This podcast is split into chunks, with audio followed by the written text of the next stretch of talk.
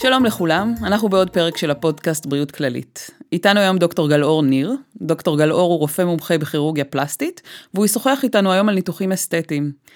דוקטור גלאור, אני אשמח אם תציג את עצמך קצת יותר. שלום לכולם, אני דוקטור גלאור ניר. אני מומחה לכירורגיה פלסטית ואסתטית. אני עובד בכללית, יש לי שתי מרפאות פרטיות, אחת בתל אביב, אחת בזיכרון. אני נציג הרופאים המומחים בתחום הרפואה היועצת בשרון שומרון של כללית, בהר"י. נעים וואו. מאוד. נעים מאוד, כל כך הרבה שערים. אני חייבת להגיד שאנחנו נתמקד היום בניתוחי פנים, אבל אם נגלוש גם לניתוחים אחרים, אני חושבת שהמאזינים שלנו ישמחו, אם לא, זה גם נושא לפרק אה, נוסף. Mm-hmm. אז בואו נתחיל, אה, בשנים האחרונות זה ממש אה, נעשה פופולרי, כל הניתוחים האלה. מה מניע היום לניתוחים או לפעולות אסתטיות? היום האמת, בשנים האחרונות המודע... המודעות לטיפולים אסתטיים גדלה משמעותית. היום זה כבר לא בושה, הפחד שלו ייראה טבעי, המראה המוזרק, יראו שעשיתי. היום אנשים מבינים שפחות מפחדים מהעניין הזה, אה, וכולם אה, מנסים, רוצים לראות יותר טוב. 85% אה, מהישראלים מאמינים שניתוח פלסטי עשוי לשפר את דימוי הגוף. זה די הרבה. כלומר... זאת אומרת, מישהו יצא ועשה סקר כזה בקרב כן, הישראלים? כן, יצא ב-2019 האיגוד לכירורגיה פלסטית עשה סקר, סקר uh, שכלל uh, הרבה מאוד uh, משתתפים, ושאלו אותם שאלות. מצאו כמה נקודות מעניינות, מצאו שסך הכל הגישה לניתוחים פלסטיים השתנתה מאוד מהשנים הקודמות. אנשים הרבה יותר נוח להם לעשות את, הפעולות האלה, מרגישים יותר, גם גברים אגב, גברים גם, הם הכפילו את עצמם מ-2017 מבחינת אחוזים, זה ב-2017 היה 8 אחוזים, היום אה, זה כבר 16 אחוז מהגברים, 16 אחוז מהגברים עושים, אה, מגיעים להזרקות בעיקר. אה, שוק ההזרקות גדל פי 4, ב-2008 הוא היה 100 מיליון שקלים, היום הוא, הוא 400 מיליון שקלים. בשנה האחרונה היו חצי מיליון הליכים אסתטיים במדינת ישראל. 70 אלף ניתוחים פלסטיים, הזרקות סביב 300 אה, אלף. זה נשמע המון. זה המון, כן. השאלה, כן. איך אנחנו יחסית לשאר העולם? סך הכל פחות או יותר אותו דבר. פחות או יותר אותו דבר. יש אחוז מסוים קצת, 2-3 אה, אחוז יותר בארצות הברית לדוגמה, בהרבה מאוד דברים, אבל הקו המנחה, הטיפולים האסתטיים העיקריים, שזה מקום ראשון זה הגדלת שדיים, אחר כך... אה, אה, יש שאיבות שומן, ואחר כך אה, אף, הנגזרת הזו היא אותו דבר בכל, ה, בכל העולם. אז בואו נדבר קצת על ניתוחי פנים, טיפולי פנים, איזה טיפולים הם שכיחים היום לאזור הפנים? בדרך כלל מי שמגיע ל... או רוצה איזשהו שינוי בפנים, הוא מתחיל עם משהו שמרני. הוא לא רוצה חתכים, הוא לא רוצה ניתוחים, הוא גם נורא חרד שיראו, שישימו לב, שיראה לו טבעי. אמ, בדרך כלל זה מתחיל בהזרקות, וברגע שעוברים את המחסום הזה ורואים שזה נראה טבעי וזה לא כזה שינוי משמעותי, זה בדרך כלל מתקן את האובססיות הקטנות שלכל אחד יש, יש ורק את, המטופל שם לב אליו, ואז יש מין פתיחות גדולה יותר ו, וביטחון, והמטופל גם בדרך כלל סומך יותר על המטפל ש, שמציע לו מה, מה באמת מומלץ עבורו. כששאלתי אותך את השאלה הזו, אז דמיינתי שתגיד לי, כן, אנשים באים כדי לתקן את האף היותר מדי ארוך, או את האוזניים היותר מדי בולטות, ואתה בעצם לקחת אותי לכיוון ההזרקות. למה? כי זה קל יותר? כי זה נגיש יותר? כי זה זול יותר? כי... למה לקחתי אותך לכיוון של ההזרקות? לא, אני שואלת אם זה יותר שכיח באמת מניתוחי אף או ניתוחי אוזניים. זה כן, זה הרבה יותר שכיח, כי זה בעצם טיפול שמרני. היתרון של הזרקות הוא אדיר, את, אה, אם יש משהו שמפריע לך ואת אה, עושה טיפול בהזרקה והוא לא יוצא טוב, או שהוא לא יוצא טוב בעינייך, אז אפשר פשוט להעמיס את הטיפול הזה. וזה זה אפשר, אפשר לשחזר את מה שהיה לפני כן. אנחנו יכולים קצת לצלול על מה זה טיפול מהזרק, בהזרקה, מה מזריקים? אז באופן עקרוני היום כולם מדברים על החומצה ההילורונית, שזה בעצם הטיפול שמוסיף נפח לפנים. ויש את הטיפול בבוטוקס, שזה בעצם משתק, מה שמשתק את השרירים. אז בוא, בוא קצת יותר, אה, אה, כולם מכירים את זה כבאזוורדס, אבל מה זה אומר בעצם? מה ההבדל ביניהם? מה זה מכיל? כן, מה זה עושה לפנים? כן, כן. אז, אה, אז יש, יש, יש, אפשר, נקרא לזה שני, שני כובעים. הכובע של החומצה ההיאלורונית, או חומרי המילוי, והכובע של הבוטוקס. אנחנו נתחיל דווקא עם הבוטוקס, כי הוא, אנשים נוטים להתבלבל ביניהם. הבוטוקס בעצם זה נוזל שמשתק שריר. יש שם רעלן, שנקרא botulinum toxin, והמטרה שלו בעצם זה לשתק את השרירים. בוטוקס לא מזריקים בכל מקום, יש סך הכל שלושה, יש ארבעה, אבל אנחנו נדבר על השלושה העיקריים, שהם בעצם השכיחים ביותר, שלושה אזורים. הרעיון של טיפול בבט, בבוטוקס בעצם הוא לטפל בקמטים, בכפלים שיש באזור של, של המצח, באזור שבין הגבות, וזה שבצידי העיניים. כלומר בוטוקס בעצם זה שלוש, שלושת האזורים האלה. ו, ומה שקורה בעצם, ה, ה, ה, המטרה של הבוטוקס זה לשתק את השריר שיוצר את הכפל, את הכפלולים האלה, את הקמטים האלה. מה עם ש... מצידי השפתיים או מעל לא השפתיים? בוטוקס, זה לא בוטוקס. אנשים, צריך להבין שהבוטוקס בעצם זה טיפול ש, שכל כולו הוא בעצם מעל אה, קו האף התחתון. יש לנו את ה... כשמרימים גבות, אז יש את הקמטוטים האלה האופקיים במצח, זה אזור אחד. והשריר הרחב הזה, כמו מניפה, שמתחיל מקו השיער ויורד לגבות, זה השריר שבעצם אותו אנחנו מנתקים. כשהוא מתכווץ, אז הגבות מורמות, ואז יש את הכפלים האלה במצח. הבוטוק, הבוטוקס, המטרה שלו בעצם זה לשתק את השריר הזה. יש כל מיני משחקים שאפשר לעשות, לשתק חלק ממנו בשביל להרים את הגבה הצידית, כל מיני משחקים נחמדים, אבל זה אזור אחד, זה, זה המצח. זה שיתוק שהוא לתמיד? זאת אומרת, לא, אתה... לא, לא, לא, זה, זה, זה נמשך אה, בדרך כלל בין שלושה חודשים, ארבעה חודשים. השיתוק מתחיל אה, לחלוף, ואז אה, זה זמן לבוא שוב פעם לביקורת ולהחליט אם צריך או לא צריך. אוקיי, אז זה לא עוד. פעם אחת וגמרנו, אלא זה משהו שצריך טיפולים גם משמרים. נכון. נכון. משמרים, משתקים. כן, טיפולים משתקים, נכון. אוקיי. נכון. Uh, האזור השני זה האזור שנמצא בין הגבות, כפלי הזעף, שזה בעצם יש שני שרירים שנמצאים uh, מעל הגבות, שאותם אנחנו משתקים גם. והאחרון זה בעצם האזור השלישי, זה צידי העיניים. שם יש את ה... קוראים לזה קרו פיט, רגלי העורב, זה נראה כמו רגלי עורב ככה, ש... כשמסתכלים על זה מהצד. זה מזווית העין הצידית, אז רואים, כשמחייכים רואים את זה ממש טוב. אז הכפלולים האלה לפעמים מציקים לאנשים. גם פה צריך להחליט, כי, כי צריך להחליט, הרבה פעמים מטופלים רוצים שאני אעשה את הטיפול, אבל, אבל, אבל צריך להבין שיש דברים שהם גם יכולים להיות יפים, אפילו שזה כפלולים, שמוסיפים חן, לא צריך להגזים. אז זה, זה משהו ש, שתמיד צריך להתייחס אליו. אוקיי, okay, אז דיברנו על בעצם על בוטוקס ועל האזורים שאפשר להשתמש, ומה עם החום... איך קראת לזה? חומצה? החומצה האלורונית, כן. החומצה האלורונית זה בעצם חומר מילוי שבעצם מנפח. הוא... אפשר לעשות איתו המון המון דברים. אמ, ברגע שיש לך חומר שאת יכולה להכניס מתחת לאור והוא, והוא בטוח לשימוש, אז את יכולה לתקן אה, מילאויות שחסרות, את יכולה לסדר אה, אה, קו לסת לדוגמה, את יכולה לעשות עצמות לחיים לדוגמה, לעצב אותם. היום יש אה, טרנד כזה של עצמות לחיים טיפ-טיפה בולטות, שקצת נותנות צל על הלחי מתחת, זה, זה יכול להיות מאוד מאוד יפה במקרים מסוימים, אבל שוב, הרי, זה, זה, זה פיסול, כן? גם לסדר את האף אפשר לעשות בצורה מאוד מאוד יפה, שממש מקבילה לניתוח מבחינת התוצאות. אמ, הרעיון הוא שאתה מחדיר את החומר מתחת לאור וזה מוסיף נפח? זה לא מתחת, זה מתחת לאור כן, אבל יש מישורים מתחת לאור, זאת אומרת, יש, אה, החומצות באות בסמיכויות שונות. יש אה, חומצה שהיא דלילה וחומצה שהיא שמחה. כל חומצה מתאימה למישור מתחת לאור, מישור מסוים. היה ואני רוצה לעשות אה, אה, תיקון או, או שיפור, שדרוג או עיצוב של עצמות לחיים, אז אני שם את החומר על העצם, והוא יושב שם. וזה טיפול שדווקא מחזיק הרבה מאוד זמן. יש למה... לי מטופלות של אה, שנה, אפילו שנתיים, שלא צריך לעשות כלום.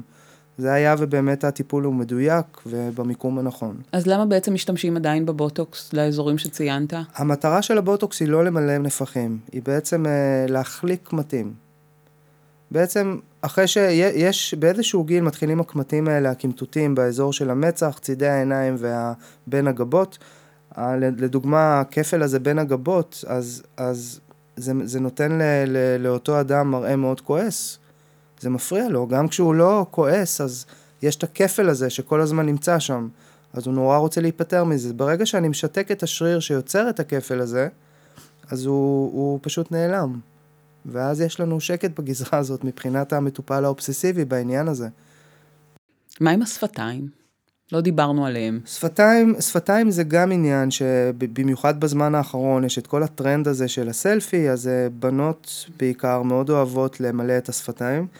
יש יתרונות, יש חסרונות. היתרון העיקרי זה שזה אפשרי. מה זה למלא? באיזה למלא חומר? למלא זה חומצה הילורונית. אוקיי. זה גם חומצה הילורונית שהיא מיועדת לשפתיים. עד עכשיו זה לא היה, אבל בשנים האחרונות יש חומצות שהן ממש מיועדות לשפתיים. מבחינת הסמיכויות, שלא יעשו גושים, יש, אה, עכשיו, עכשיו זה כבר התפתח עוד שלב, יש אה, חומצה הילורונית שהיא, שהיא ספציפית למתאר של השפתיים, וחומצה הילורונית שהיא, שהיא לתוך השפה, לתת את הנפח. אז חומר נוסף, זאת אומרת זה חומר אחר. זה נחמד, זה, זה בחלק מהמקרים זה גם נראה ממש טוב, אבל צריך לזכור שבשפתיים, בגלל שיש אספקת דם ממש גבוהה, אז החומר גם נעלם יחסית מהר. כמעט כמו בוטוקס, שלושה ארבעה חודשים. עכשיו יש חומרים שמתחילים טיפה יותר להחזיק, אבל בגדול, עד לא מזמן, החומר הזה החזיק סביב השלושה ארבעה חודשים, וזו הייתה הבעיה במילוי של השפתיים. יש הפרעה בתחושה? זאת אומרת, לא. ברגע שמזריקים את החומצה לשפתיים, אני עדיין מרגישה, יש לי תחושה מלאה בשפתיים? לגמרי, לגמרי, לגמרי, כן. יש כן, בזה, זה יש... לא הרבה, זה יש... לא הרבה חומר, זה כמו חצי כפית של חומר שעושה את כל ההבדל. כמה זה כואב ההליך הזה? תלוי איך עושים אותו. אה, יש אפשרות לעשות, אה, אנחנו מדברים על השפתיים, אז יש אפשרות לשים אה, חומר אמלה שהוא מאלחש, חלק מהמטופלים זה עובד נהדר. במידה ולא, אפשר לעשות הזרקה כמו של רופא שיניים שהיא לא כואבת, והיא תמיד פותרת את הבעיה הזאתי. בלי זה זה כואב, בלי, ה... בלי הליחוש הזה זה כואב. שאר הפנים, אתה גם נוהג להלחש לפני שאתה בעצם חלק מזריק? חלק כן, חלק לא, זה מאוד תלוי ב... בטכניקה ובמה אני עושה. יש, הגישה היום היא, היא, כשמסתכלים על הפנים, מתייחסים לשני דברים. רופא, כירורג פלסטי שמסתכל על פנים, בדרך כלל הוא מסתכל על שני דברים. אחד זה איכות האור. איכות האור זה, זה נזקי השמש, הקמטוטים, הפיגמנטציה.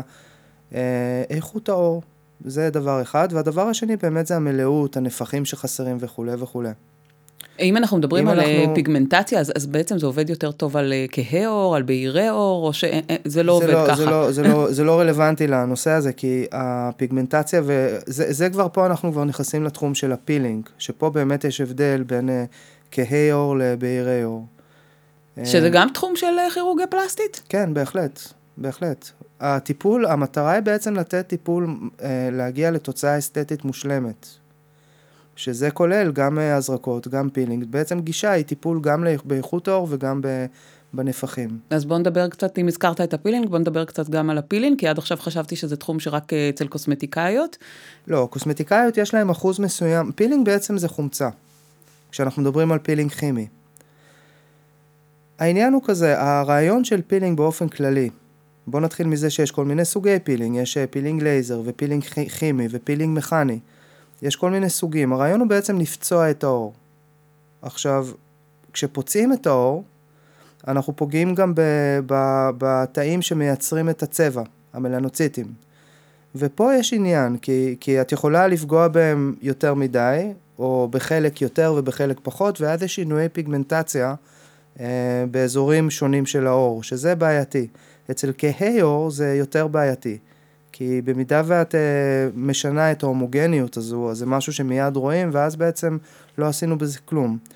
כלומר, המטופל, המטופל שצריך להתאים מטופל לפילינג, לראות שבאמת הוא מתאים ולהחליט גם איזה פילינג מתאים לו. פה כבר נכנס הסוגים של הפילינג, אנחנו מדברים על לפצוע את העור, נכון? אז יש פילינג שהוא באמצעות לייזר. רגע, אבל למה אנחנו פוצעים את העור? אנחנו רוצים ש... שמה? כי הרעיון הוא בעצם לחדש אותו. הדרך הטובה ביותר לחדש את העור זה לפגוע בו ולתת לו לבנות את עצמו מחדש. פה אגב גם בנושא הזה של החומצה ההילורונית יש אה, שחקן חיזוק חדש, שהמטרה שלו הוא באמת זה. זה בעבר, אתם, חלק מכם אולי מכירים את זה כמזותרפיה, שזה בעצם אה, לפגוע באור, ממש המון המון דקירות, זה דווקא כן קוסמטיקאיות עושות. זה פגיעה אה, היקפית בכל האור של הפנים, דקירות, דקירות, דקירות, דקירות, דקירות, ואחר כך יש תהליך ריפוי ש, שבעצם יוצר אור חדש ורענן. השחקן חידוש החדש זה חומצה הילורונית מאוד מאוד דלילה, שיש לה אפקט שעוצמתי מאוד של, של ריפוי. היא, הריפוי זה, החומצה בעצם אפשר לראות את זה, תחשבו על החומצה שקורית לכל שחקני הרקמה, לקולגן, לאלסטין, למלנוציטים הרלוונטיים, לכל מה שצריך ל- ל- לתת ריפוי ולחדש ולרענן את העור בצורה הרבה יותר עוצמתית מהמזותרפיה הרגיל. אני קצת בורחת לנושאים אחרים, אבל זה גם תלוי גיל, נכון? זאת אומרת, עור של אה, אישה או גבר בני 20, הוא לא מתחדש ב, ב, באותה איטיות כש, של אה, עור של אה, נכון, אישה או גבר בני נכון, 60. נכון, נכון, נכון. אז על, אתה בעצם יודע צעירים, להתאים. על צעירים, על צעירים זה, זה הרבה פעמים בא יותר נכון. אבל צעירים פחות צריכים את זה. מה שכן, בדרך כלל אנחנו עושים פילינג, זה לצעירים עם צלקות אקנה. שזה, שזה, היום יש טיפולים שהם בהחלט נותנים שיפור משמעותי לעניין הזה. התחלת לספר על סוגי הפילינג שיש. כן, אז יש, יש, בעצם הרעיון של הפילינג זה לפצוע את העור, אז יש כל מיני דרכים לעשות את זה. יש אפשרות אחת באמצעות לייזר. בדרך כלל הלייזר המוכר זה ה-CO2. זה אפשרות אחת. אפשרות שנייה זה באמצעות החומצה. פשוט לקחת חומצה, TCA או פנול. ולשפוך ש... על הפנים. ממש ככה, כן. עושים את זה בצורה מדורגת ולאט לאט, יש אה, כל מיני חוקים ודברים אה, אה, שבעצם יגרמו לנו לא לעשות טעויות, ימנעו מאיתנו לעשות טעויות, שזה, וזה החומצה, ועוד אפשרות ש, של פילינג זה בעצם פילינג כימי. ממש כמו לקחת סקוץ' ולשפשף את הפנים, אנחנו עושים את זה בדרך כלל אה, בניתוחי פנים. המטופל, המטופל, המטופל או המטופלת מורדמים, אחרי שעשינו את המתיחת פנים, אנחנו עושים שיוף ממש ממש טוב של האור, ואז יש החלמה שאורכת בערך שבוע, זה לא החלמה קשה בכלל. האור נראה אחרת לגמרי. אבל בוא רגע, לפני שאנחנו אה, לוקחים ביד את אה, סכין המנתחים, בוא, בוא נסיים רגע את כל הטיפולים שלא מחייבים התערבות, התערבות אה, כירורגית אה, שכוללת אה, ניתוח. שזה תמיד הכי מעניין. אז רגע, לפני שמגיעים לסכין המנתחים, כן. אה, אני חייבת להגיד לכם, אתם אה, לא רואים אותו, אבל כשאני מדברת איתו על סכין ועל ניתוח, אה, העיניים שלו פתאום... אה, קיבלו אור כן, אחר. פלסטיקאים אוהבים את הגישה היותר אה, עניינית. עניינית זה אומר הזה. אה, חדר ניתוח, אה, מיטת ניתוחים, אורות ויאללה. במקרים מסוימים כן, במקרים מסוימים זה בהחלט מוצדק. זה אגב ההבדל המשמעותי של, של למה ללכת. תראו, יש, יש את העניין הזה שלמה מטופלים מגיעים לטיפול, לעניין קוסמטי, מגיעים לקוסמטיקאית, מגיעים לכירורג פלסטי, מגיעים למישהו שיעשה הזרקה. כי אומרים להם, אתם עייפים, אתם נראים עייפים, אתם, הם מרגישים בעצמם שהם נראים פחות טוב, הם רואים תמונות שלהם, והם מרגישים בעצם שהם מתבגרים, ואז, ואז לוקחים החלטה לעשות את הייעוץ. אז אני, אני פשוט חייב לציין את העובדה הזאת, כי הרבה שואלים אותי, למה ללכת לפלסטיקאי או למישהו, ולא למישהו אחר שהוא גם יודע לעשות את הדברים האלה, את ההזרקות וכל הטיפולים השמרניים, שזה מה שמעניין את המטופל הרי. מטופל כזה שכאילו יוצא מהארון, הוא נורא חרד. אז הוא לא ילך לפלסטיקאי, היא לא תלך לפלסטיקאי, הוא או היא, לעשות ניתוח מתיחת פנים, זה לא בא בחשבון, היא רוצה משהו קטן ש, שלא ישאיר צלקות, שגם לא יראו, רק שישפר לה את מה שנורא מפריע לה. אז כמובן שהיא לא תלך לפלסטיקאי, אבל העניין הוא ששוק ההזרקות היום הוא, הוא שוק מאוד מאוד נרחב, היום כמעט כל אחד עושה הזרקות. אה, יש אה, כל הרופאים, כל סוגי הרופאים, גם רופאי שיניים, גם פסיכיאטרים, גם רופאים מרדימים, וזה בסדר. המינימום עושים... הוא שאתה חייב להיות רופא כדי להתעסק בתחום. נכון. כדי נכון. להזריק, לא נגיד להתעסק בתחום, אבל כדי להזריק. בשביל אתה להזריק. יכול להיות רופא, לא משנה מה המומחיות נכון, שלך. נכון, נכון, בשביל להזריק. בשביל לפגוע באור, צריך להיות אה, הכשרה רפואית. אוקיי. אה, עכשיו אני אומר, אוקיי, הרופאים האלה שעושים את ההזרקות, הם עושים את זה מצוין, הם עושים את זה בהרבה מקרים גם יותר טוב ממני, אני מודה. יש כאלה שעושים את זה פשוט מצוין, הם עושים את זה 30 שנה, 40 שנה, הם ראו הכל, עשו הכל וזה בסדר. הבעיה היא, ש, שהבעיה היא שמטופל לא תמיד צריך שימלאו אותו בחומרים, לדחוף מזרקים, זה לא תמיד הפתרון הנכון, בהרבה מקרים זה לא הפתרון הנכון. לנפח את הרקמה בשביל לפתור כל בעיה זה ביסוד, בבסיס הוא לא, הוא לא נכון. אם למטופל יש, יש בעיה של עפפיים נפולים, עליונים או תחתונים, אם יש עודפי אור בצידי הלסת, קמטוטים גם כן, כפלים מאוד אגרסיביים, זה גם דברים שאי אפשר לפתור תמיד עם, עם חומצה, וזה גם לא נכון לנפח את הרקמה כמו בלון. אני רק אומר שלמנתח פלסטי יש ארגז כלים הרבה יותר גדול. יש את האפשרות לעשות במידת הצורך שאיבה קטנה של שומן, או, או לפעמים גם עדיף למלא בשומן, שיש לו את היתרונות הרבה יותר טובים, הרבה, הרבה יותר יתרונות מאשר חומצה הילורונית. אז בעצם מה שאתה אה, ממליץ, אתה אומר, אוקיי, כל רופא יכול לעשות את זה, היתרון של מנתח פלסטי שהוא רואה את כל המכלול מתחשב בזה שאנחנו מדברים עכשיו על פנים, mm-hmm. של הפנים, ויודע בדיוק איזה טיפול יכול אה, אה, להתאים אה, למטופל, נכון. ולאו דווקא זה יהיה הזרקות ולאו דווקא זה יהיה מילוי, אלא אתה יכול, דיברת על, על שומן, שומן אתה מתכוון טבעי? כלומר, אני, אתה שואב שומן שלי מאזור אחד ו, ופשוט שם אותו, משתיל אותו, ת, תן לי אתה את ההגדרות שלכם במקום אחר בפנים? ממש ככה. כן, היום זה קצת, היום אנחנו קצת יותר מפותחים מזה, זה לא פשוט מוציא ומכניס, היום אנחנו גם יודעים לפרק את השומן. וכל חלק מהשומן מתאים נכון יותר לאזור מסוים. כלומר, שומן שאני מוציא לך נניח מהבטן, שזה אזור די שכיח, אני מפרק אותו לננו, מיקרו ומקרו. זה שלושה סוגים. וכל אחד מתאים למקום הנכון. אה, אנחנו מזריקים את זה למקום הנכון. כלומר, אתה מוציא אותו מהגוף שלי, מהבטן לצורך העניין? אתה, אה, במעבדה אתה מעביר אותו איזושהי... זהו, לא במעבדה, יש לנו מזריקים ופילטרים, שאנחנו מעבירים אותו בפילטרים, okay. את אוקיי. השומן, ולאט לאט אנחנו יוצרים את השומן ננו, שומן מיקרו ושומן מקרו. שוב, מטופל שאיבד נפחים, שיש לו עודפי עור, זה לא, הרעיון הוא בעצם, הדבר הנכון לעשות זה להיפטר מעודפי העור, ולהחזיר את, ה, את הנפחים בצורה טבעית ככל האפשר. זה ופה... נשמע חלום מה שאתה אומר, מוציאים ממקום אחד, עושים לו איזושהי אה, אה, הפרדה מולקולרית כזו כן, ומזריקים כן, במקום. כן, כן, והתוצאות הן נהדרות, מאוד מצדיקות עצמם. צריך גם לזכור שבשומן יש אה, תאי גזע. שזה גם פנטסטי, הוא גם, אה, אנחנו רואים שהוא משפיע בצורה מהממת מה זה אומר משפיע? מה זה אומר שיש שם תאי גזע? איך זה משפיע? זה, הוא, הוא, התאי גזע בעצם אה, הופכים לתא שומן האידיאלי לאותו אזור, ב, ב, אחרי שמזריקים אותו. הם יודעים להפוך למה שצריך. ברגע שיש פצע, אז הגוף יודע לרפא את הפצע, ברגע שיש תאי גזע, הוא יודע לעשות איתו מה שצריך. באותו רגע ובאותו מקום. אז אני עדיין לא מבינה, למה בעצם עדיין אנחנו אה, מזריקים את החומצה, אם יש את הטכניקה שאתה אומר שאני יכולה, שאתה יכול להזריק לי את השומן שלי? שאלה מצוינת, שאלה מצוינת. זה, זה, ה, ה, לשומן יש גם חסרונות. אחד, הפעיל, הפעולה עצמה היא יקרה, יותר מאשר חומצה הילרונית, והיא פחות פשוטה. היא פשוט פחות פשוטה. צריך פה לקחת שומן, ממקום אחד זה אומר אה, אזור תורם, ולהזריק אותו. בדרך כלל את, את רוצה לעשות את זה בתנאים אידיאליים, בעיקר סטרילים, כי פה נורא מפחיד אותך הנושא הזה של זיהומים. אז התהליך הוא, הוא יותר ארוך, הוא יותר מורכב, הוא יותר יקר. אמ, מה גם שעוד חיסרון מאוד משמעותי בשומן זה שאנחנו לא יודעים כמה יספק וכמה יישאר. אנחנו יודעים שמה שיישאר הוא יישאר לנצח, שזה היתרון הגדול של השומן. אה, אבל אנחנו לא יודעים כמה יספק, ולכן גם לפעמים זה דורש טיפול, אה, מספר טיפולים ולא טיפול אחד. אוקיי, okay, ואתה בעצם, כשמגיע מטופל, נחזור על מה שאמרנו קודם, יודע להסתכל ולהגיד, וואו, יותר מתאים לו זה, יותר מתאים נכון, לו חומצה, נכון, יותר מתאים לו השאיבה. נכון.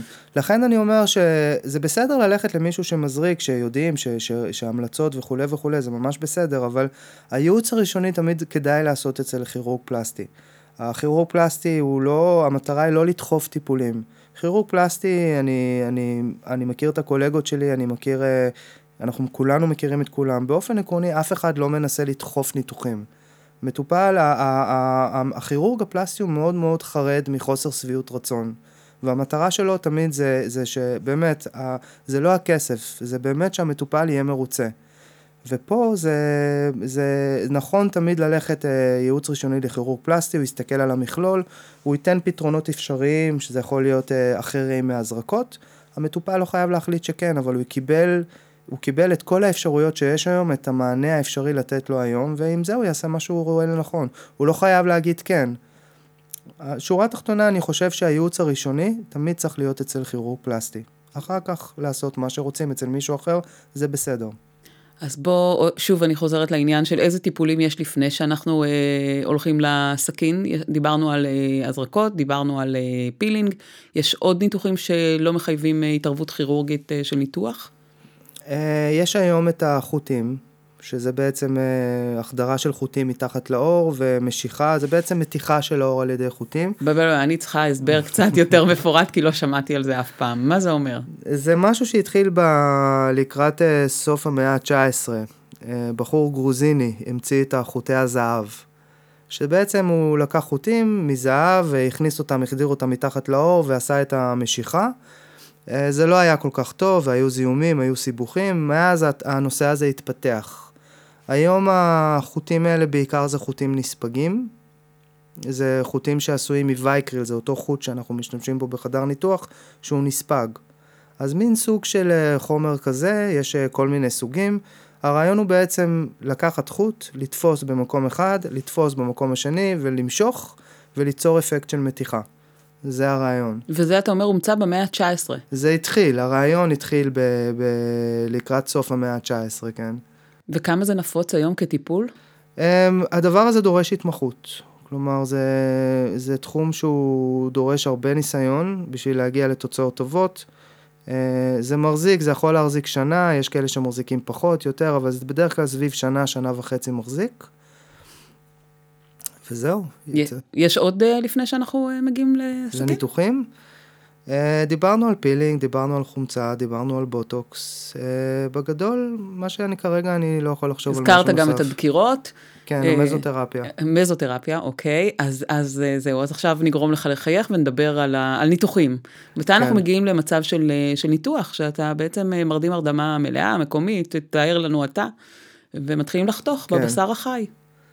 אז עקרונית, קודם כל יש את השאלה של מה מפריע למטופל. צריך להבין בדיוק מה מפריע למטופל. זה מאוד חשוב, כי יכול להיות שזה לא, זה קורה המון, שמטופל מגיע ויש לו אוזניים בולטות או עפפיים, עפפיים מאוד מאוד כבדות, אבל מפריע לו משהו קטן.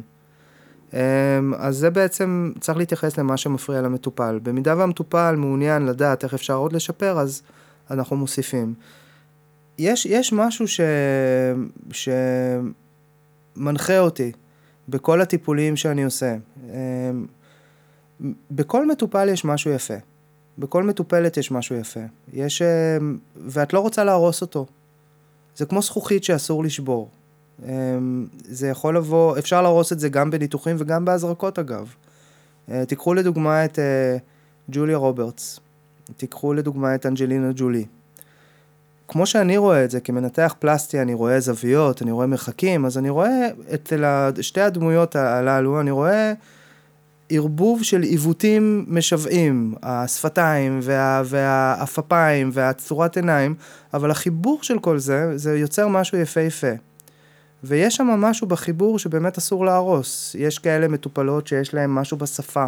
שהוא מאוד מאוד יפה, יש כאלה בעפף התחתון, משהו באף, משהו באוזן, משהו שבעצם בתת מודע אצל המסתכל יוצר משהו מאוד מאוד יפה, אז צריך למצוא אותו, תמיד למצוא אותו ולשמור עליו. זה מדהים אותי. ממש מכל משמר. מה שאתה אומר מאוד מדהים אותי, כי בעצם כשמגיע אליך אה, מטופל, אז הוא רואה רק מה, מה לא טוב, מה נכון, מפריע לו, ואתה כן. בעצם בא ואומר לי לא, אני מסתכל עליו ורואה, מחפש מה יפה.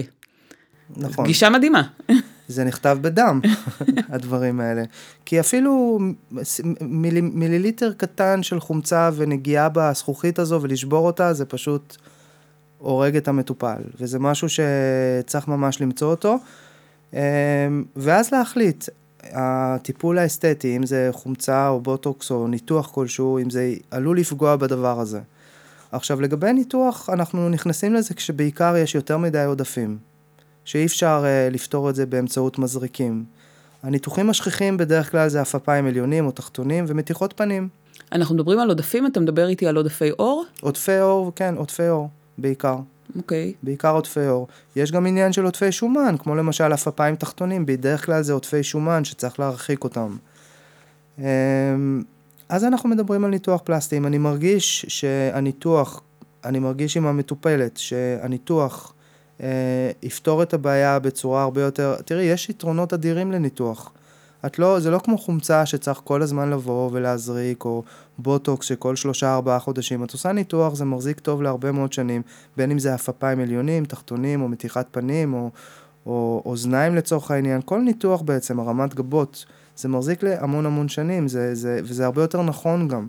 כי את לא מנפחת, את פשוט מחזירה את, ה, את ה... את מרחיקה את עוטפי האור, אין עוטפי אור יותר, וגם במהלך ניתוח גם מחזירים עוטפי שומן למקומות הנכונים. זאת אומרת, בעצם ממש מחזירים את הגלגל אחורה.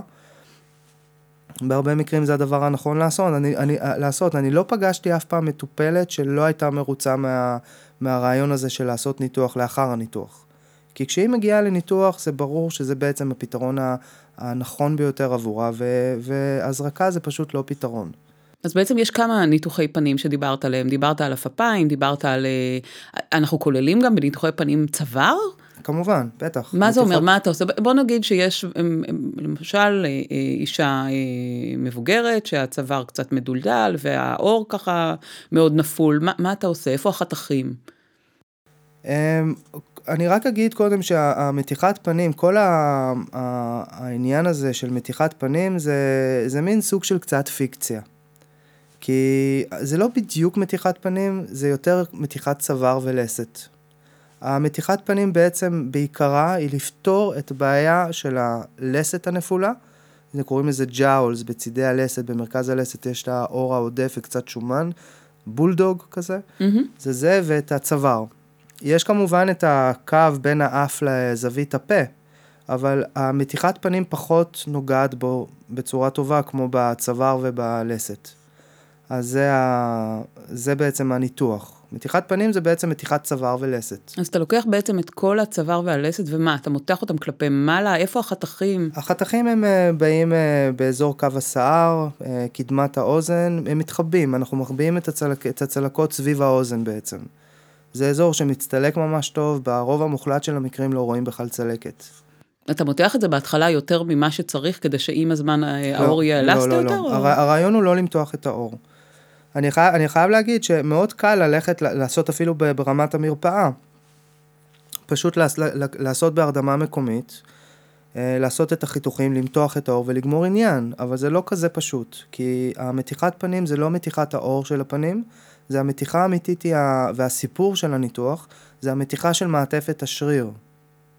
אם אני עכשיו אה, נכנסת מטופלת ואני אעשה לה את המתיחת פנים, כמו שתיארתי, פשוט ייקח את האור העודף, ירחיק אותו ויסגור, זה ייראה מאוד טוב אחרי לחודש, חודשיים, שלושה, אבל אחרי ארבעה, חמישה חודשים זה הכל ייפול חזרה. אז מה בעצם אתה עושה? הרעיון הוא בעצם למתוח את השכבה מתחת לאור. זו השכבה הרופפת וזו השכבה שברגע שאת מותחת אותה, האור שנצמד לשם לא ייפול יותר. וזה מחזיק סביב עשר שנים לפחות. וזה ניתוח שהוא בהרדמה מלאה? זה הרדמה מלאה, כן. זה ניתוח ארוך של שלוש, שלוש וחצי שעות לפעמים. אה, זה בדרך כלל כולל גם אה, הזרקות שומן ו, וכל מיני אה, התקשקשויות קטנות בדברים מאוד ספציפיים, כל תלוי מטופל. והחלמה מניתוח כזה היא החלמה... סביב שבועיים, האמת שהחמישה וחצי ימים הראשונים הם, הם, הם אלה הימים הנפוחים והבעייתיים, זאת אומרת המטופל בעיקר מטופלת סובלים בעיקר בימים האלה. זה לא כזה סבל, אבל אלה הימים של הנפיחות. סבל של כאבים? של, של נראות ברור חוסר, לי, אבל כן. מה עם כן. כאבים? מה עם אולי קושי בבליעה? זה, לא, לא? משהו, לא משהו קיצוני, לא. זה רק בעיקר הנפיחות. אוקיי, בעיקר ואחרי, הנראות של זה. כן, ואחרי חמישה וחצי ימים זה מיד, זה, זה, זה בקצב היסטרי. זה משתפר, ואפשר לחזור להיות סוציאלי כבר אחרי עשרה, אחת עשרה יום. סוציאלי. לדבר עם אנשים, לקניון, להסתובב, כן. אמ, אוקיי, ברור לי בעצם שאתה מחביא את התפרים בניתוח הזה, אבל מה קורה בניתוח הפפיים? איפה אתה יכול להחביא את התפרים? איך, איך בעצם... האמת שזה זה... הניתוח הכי קל להחביא בו את התפרים, וזה זה, זה תמיד מדהים מחדש איזה מהר נעלמים הצלקות בניתוח הזה. כי מה? כי זו רקמה שמחדשת את עצמה במהירות? לא, למה? זה פשוט, אה, יש כפלים טבעיים של העפפיים, שאנחנו פשוט שמים את זה שמה. אם זה עפעף עליון, יש אה, מין סחוס כזה בדיוק מעל הריס. סחוס כזה שמעליו יש כפלול. אז הצלקת שמה, ואף אחד לא שם לב לזה. כלומר, הצלקת של הפפיים העליונים, גם התחתונים אגב, אחרי חמישה-שישה ימים כבר לא רואים כמעט. זה אחד הניתוחים היותר מדהימים שיש בהקשר הזה. יש גם צעירים שמגיעים אליך לניתוחי בהחלט, פנים? בהחלט, בהחלט, מאיזו כן. סיבה? בעיקר הפפיים. הפפיים, הניתוח הכי שכיח אצל צעירים, בעיקר אצל בנים, זה האוזניים. אז זה, זה ניתוח אחד, והפפיים, כן, יש... אה, העניין בהפפיים, צריך להבין שזה לא רק הנראות של זה, כמובן המראה העייף וכולי וכולי, אבל העפעף העליון, העליון אני מדבר, אמ, זה עודף אור שיושב על הריסים. והמשקל הזה של האור הזה הוא יוצר עייפות מאוד גדולה. אתם מרגישים את זה בדרך כלל בערב. וזה בעצם סיבה אה, אפילו רפואית להוריד את העודף אור הזה. כלומר, זה מביא אותי לשאלה הבאה, אה, אה, אתה אומר עכשיו סיבה רפואית, אבל מה זה אומר? יש השתתפות של הקופות? כן, בעפפיים כן, בעפפיים עליונים כן, אבל התנאי הוא בעצם שתהיה, זה לא הריס, העודף אור שישב על הריסים, אלא העודף אור שיוצר פגיעה בשדה הראייה. אוקיי, זאת אומרת שזה המבחן העיקרי, האם זה פוגע לי כן. בשדה הראייה. כן, וזה בעצם ממש עודפי אור משמעותיים, שכשמסתכלים הצידה רואים אותם. ואז מגיעים, לר... בשביל להגיע ל... לקבל אישור מהקופה לעשות את זה על חשבונה, צריך להגיע לרופא עיניים. הוא עושה בדיקה של שדה ראייה, מוצא שבאמת יש פגיעה, ואז הוא מפנה אלינו, גם רופאי עיניים או קולופלסטים עושים את הניתוח הזה. יש עוד ניתוחים ש... שבעצם הקופה משתתפת? אה? אוזניים. אוזניים בגיל צעיר, יש פה איזשהו אה, מפגע פסיכולוגי. הילד אה, יכול מאוד מאוד לסבול מהעניין הזה, וגם אנחנו עושים את זה הרבה בבתי חולים. מה זה אומר מגיל צעיר? מאיזה גיל בעצם אתה פוגש אה, נערים או ילדים שמגיעים לא, לניתוח אוזניים? אנחנו, אנחנו עושים את זה ברגע שהאוזן אה, סיימה את הגדילה שלה, זה סביב גיל שמונה. וואו, זה מוקדם. כן, כן, נכון. כן, אנחנו מגיל שמונה מסתובבים עם אותו גודל של אוזניים? מגיל שמונה, ה-90% מהגודל בוצע. מה עוד? ה... האף שלנו גם? האף גדל כל החיים, לצערי. כן. אה, אוקיי, טוב לדעת לגבי האוזניים. אה, זה אומר שאני צריכה להסתכל על תמונות מגיל שמונה ולראות אה, מה השתנה. את תראי 10 אחוז שזה, שזה גדל. מדהים. 10 אחוז, כן. אוקיי, okay, אנחנו uh, מתקרבים uh, לקראת uh, סיום הפרק, ולצערי לא הצלחנו להגיע לשאר האזורים בגוף, וזה אומר שאנחנו נעשה עוד פרקים. בשמחה גדולה. Uh, כי זה נושא מאוד, uh, מאוד uh, מרתק ומאוד... רחב. Uh, כן. רחב.